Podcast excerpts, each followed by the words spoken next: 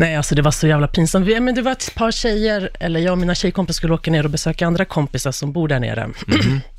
Och så skulle vi gå liksom, till ett köpcenter och handla lite mat. Vi skulle liksom, så här, fi- eller mysa liksom, hemma. Mm.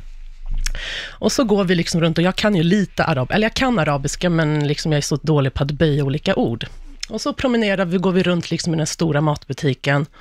Och sen ser jag en så här jättestor kyl med massa olika äggsorter. Alltså Aha. typ så extra large, large. Och jag blev så fascinerad. Shit, vad många olika äggsorter liksom, sorter det finns här. Och så just det, den veckan när vi var där så var det extremt många från Saudiarabien som kom på besök till Dubai. Deras liksom, ja men jag vet inte varför, just den veckan var det jättemycket Ja. Saudiarabier där.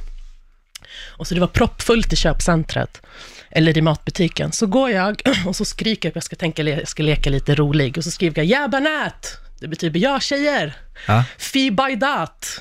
Aha. Och ba, eh, baidat betyder tjejer, det finns pungkulor, kolla hur många pungkulor det finns här.